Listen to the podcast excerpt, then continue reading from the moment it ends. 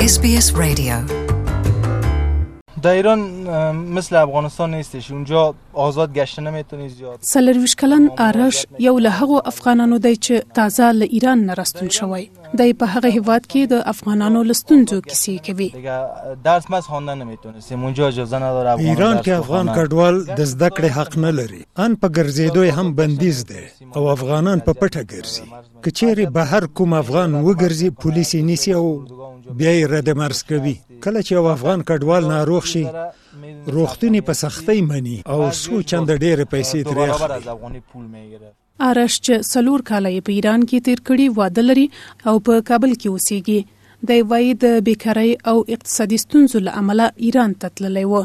من صنف ده بودم اینجا بعضی به خاطر بیکاری د زه د ښوونځي د لسم ټولګي زده کوونکی وم چې ایران ته لاړم ځکه اقتصادي ستونزو سره مخ وم او په قچاقي لارو ایران ته لاړم د لارې په اوږدو کې ګڼو ستونزو سره مخ شوم او دولس ورځې وروسته ایران ته ورسېدم. آرش وايي د کارګرو افغانانو معاشونه هلته ډېر کم دي په اکثرو مواردو کې دوی معاشونه د ایرانیانو له خوا نه ورکول کیږي او په بیلابیلو پلمو له کاره ایستل کیږي. حتی صاحبکارایی هست که کسای یک سال پیش کار میکنند. د کار خاوندان د افغانانو د کار په بدل کې پیسې نه ورکوي. حتی د یو کال ورسره پاتې وي. که چیرې پیسې وغوښتل شي، ګواښل کیږي. که غږ پورته کړي، پولیس پرې خبروي. ما هم په یو پارکینګ کې کار کاوه. د کار خاوند پیسې رانه کړې او له کاره یې هم ګوښه کړم. نداد پول ما را خورد، از ما را از کار بیکار کرد، دیګه بیرون ما کرد. دا اندېښنې داسې مهال مطرح کېږي چې د ملګرو ملتونو د کډوالو نړیوال سازمان یا IOM په خپل وروستي راپور کې ویلي چې د یوې اونۍ په اوږدو کې نږدې دیارلس زره افغان کډوال له ایران څخه افغانستان ته راستانه شوي چې له دې ډلې اووه زره او نهه سوه نوي تنه په زوره ایستل شوي دي. ایران په دې وروستیو کې دا خبرداری هم ورکړی چې د امریکا له لوري د بندیزونو په زیاتیدو سره ممکن له افغان کډوالو وغواړي چې بیرته خپل هیواد ته ستانه شي. تر دې مخکې هم له افغان کډوالو سره د ایراني چارواکو د ناوړه چلند په اړه راپورونه خپاره شوي دي. هڅه مو وکړه څو په دې اړه په کابل کې د ایران سفارت نظر هم واخلو خو څوک خبرو ته حاضر نشول. په ورته وخت کې د افغانستان د کډوالو او راستنېدونکو چارو وزیر سید حسین عالمي بلخي ویل چې افغان کډوال په ایران کې تر ډېره روغتیايي ستونزې لري. مسائل صحی در گذشته هم مشکلات و محدودیتهای خودش را داشته. په تیر کې هم روغتیايي ستونزې موجودې وې، یعنې افغان کډوال بیمه نه لرله. کډوالۍ خپلې ستونزې لري، خو وروسته له هغې چې ایراني چارواکو سره خبرې وشوې، د زده کړو په برخه کې ستونزه هواره شوه. او افغان ماشومان له تیرو دریو کلونو راهیسې ښوونځیو ته ځي.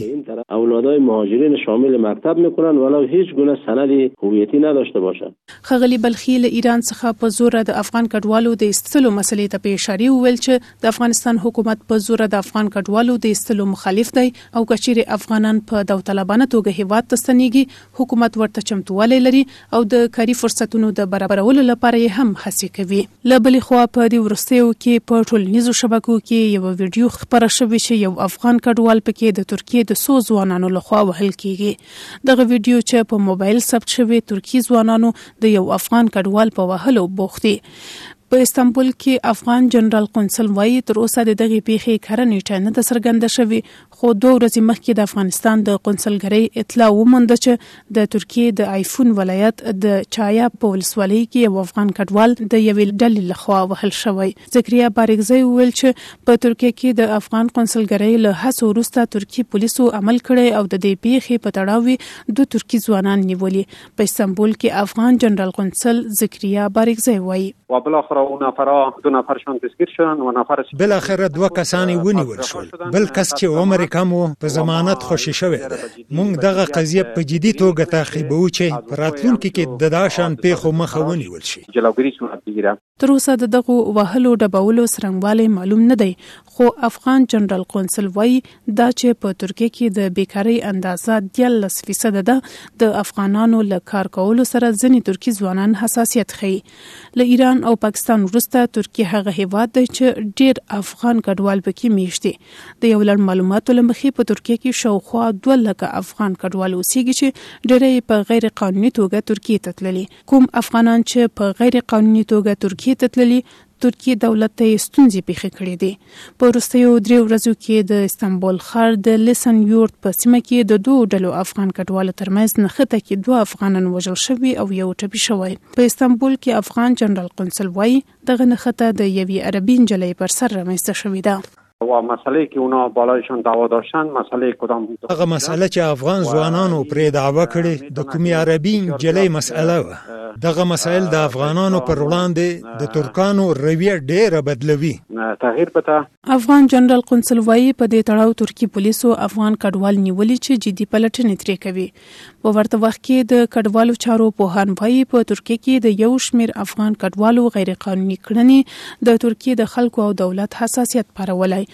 په ترکیه کې د افغان کډوالو د چارو فعالې فرهناز رحماني وویل. بدون شک که هر کنش واکنشی را در پی می داشته باشه به خاطر حفظ و دوام روابط دوستانه میان دو طرف لازم و ضروری هست که جوانان وجیب خود را به حیث یک قشر آگاه جامعه درک بکنند و دنبال سکونت یا پیشبرد زندگی به شکل مصلحت آمیز باشند تا اینکه اعمال را خلاف نرم های اجتماعی انجام بدهند. په استانبول کې افغان جنرال قونسل په ترکیه کې د غیر قانوني افغان کډوالو په ډېروالي اندېښنه ښيي، وايي،